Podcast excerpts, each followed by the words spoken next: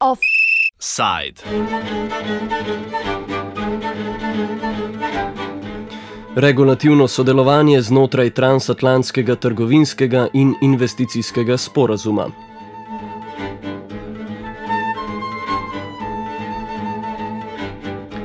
Danska organizacija za pravice potrošnikov Forbruggerodet Tonk je pričela zbiranjem podpisov za peticijo za izključitev kozmetičnih izdelkov iz pogajanj o transatlantskem trgovinskem in investicijskem sporazumu, znanem pod kratico TTIP.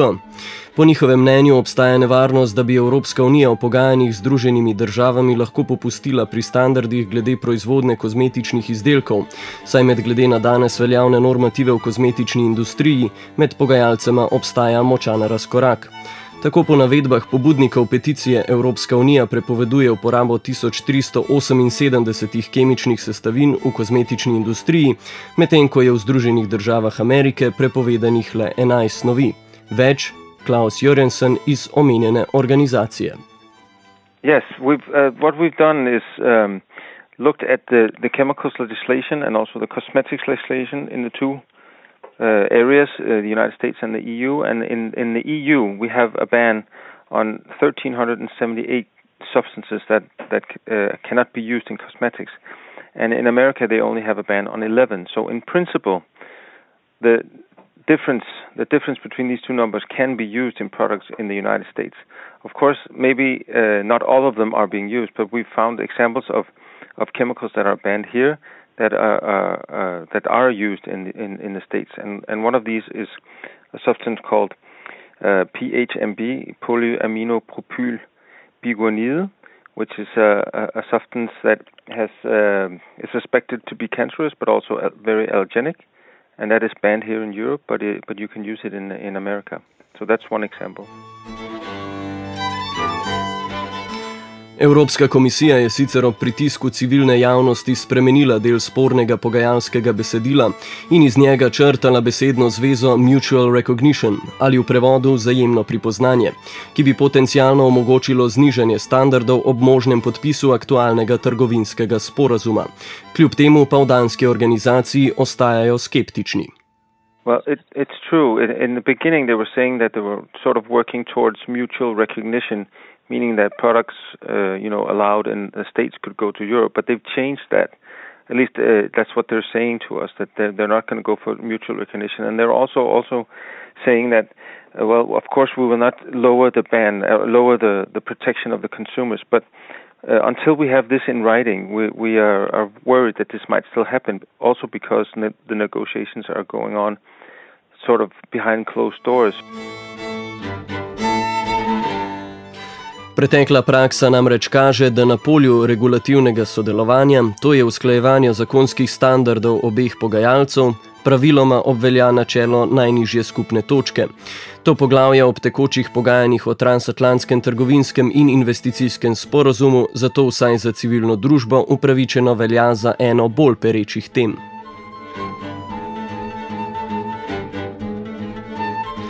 Corporate Europe Observatory je v sredini januarja objavil poročilo o dosedanjem trgovinskem sodelovanju med ZDA in Evropsko unijo.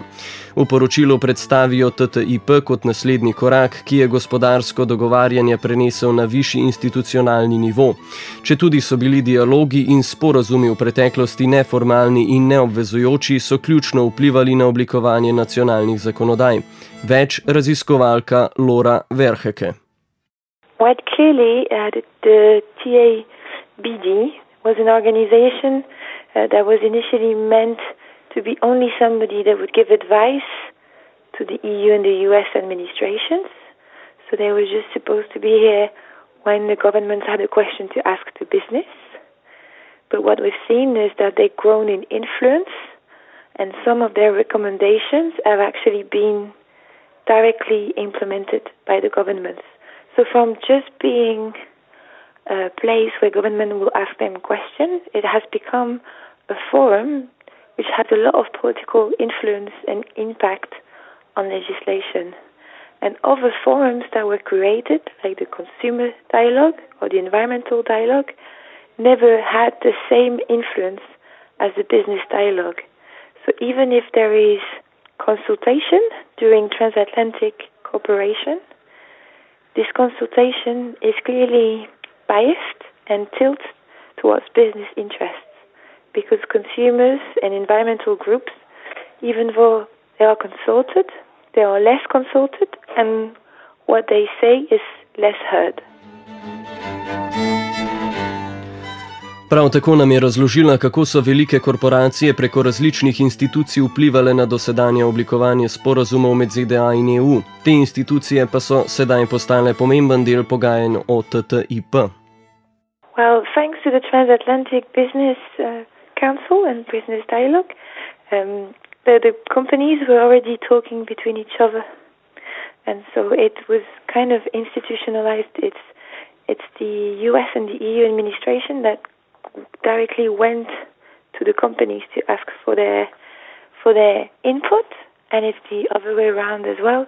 It's companies when they found out that there was a new legislation in the EU, for instance, they will go to the US government and ask the US government to start a dialogue. So it worked both ways. It's business that tried to influence going to the administration, and it's the administrations that went to business to listen to them. Pomemben del novega transatlantskega sporazuma, ki bi prinesel formalizirano sodelovanje med ZDA in EU, je proces regulativnega sodelovanja.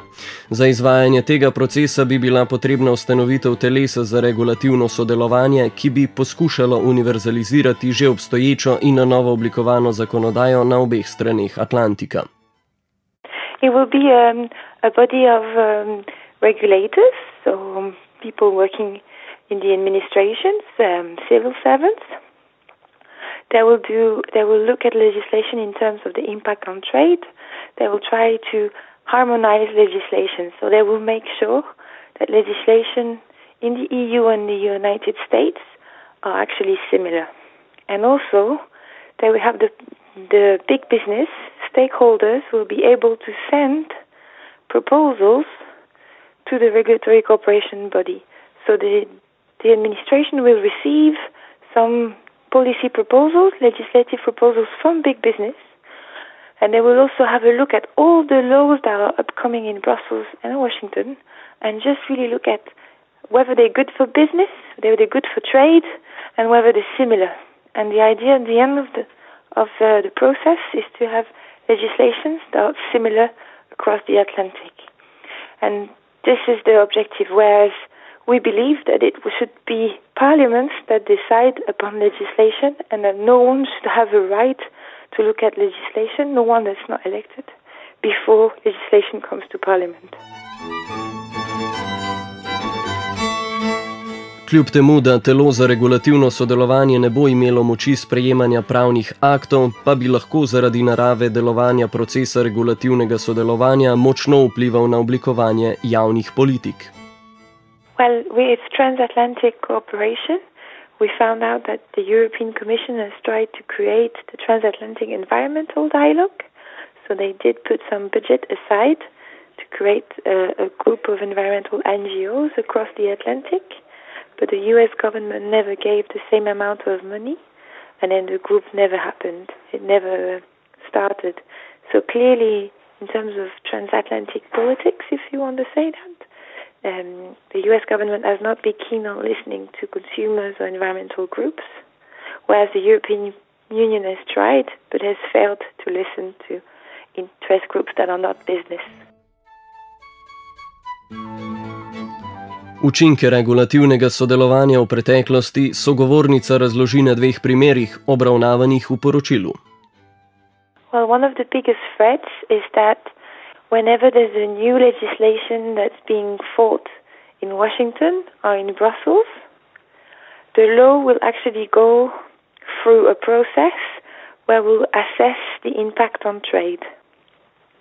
And this impact on trade will be one of the main things that will be considered.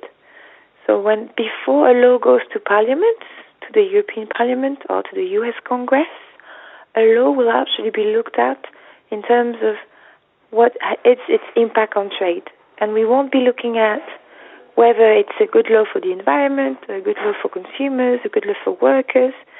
What, we, what will happen is we'll be looking at its trade impact. And this is an issue because this is going to influence legislation before elected people actually see a law. Regulatorno sodelovanje je poglavje, ki bi ob podpisu transatlantskega sporazuma lahko vodilo v nižanje zakonsko določenih standardov.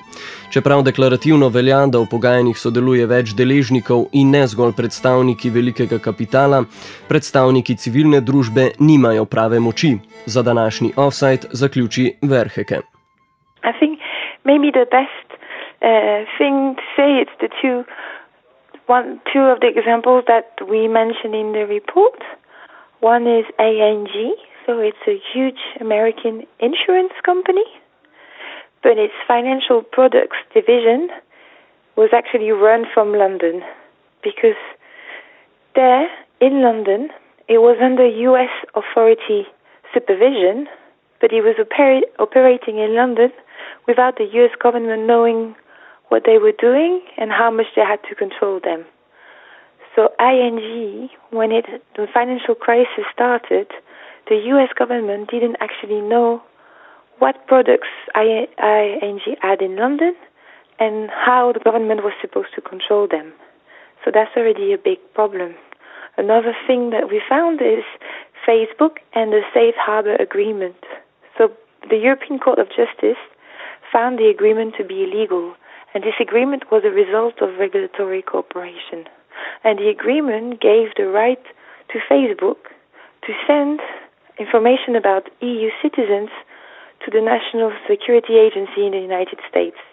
And this, according to European laws, is illegal. But because of regulatory cooperation, there was this agreement that enabled Facebook to do it. Now it's not possible anymore because the European Court of Justice said that the Safe Harbor Agreement is illegal. So you have an example of how US companies have been able to operate in Europe with very little supervision and with little attention to rules in the European Union. Offside sta pripravila Jošt in vajenka Barbara.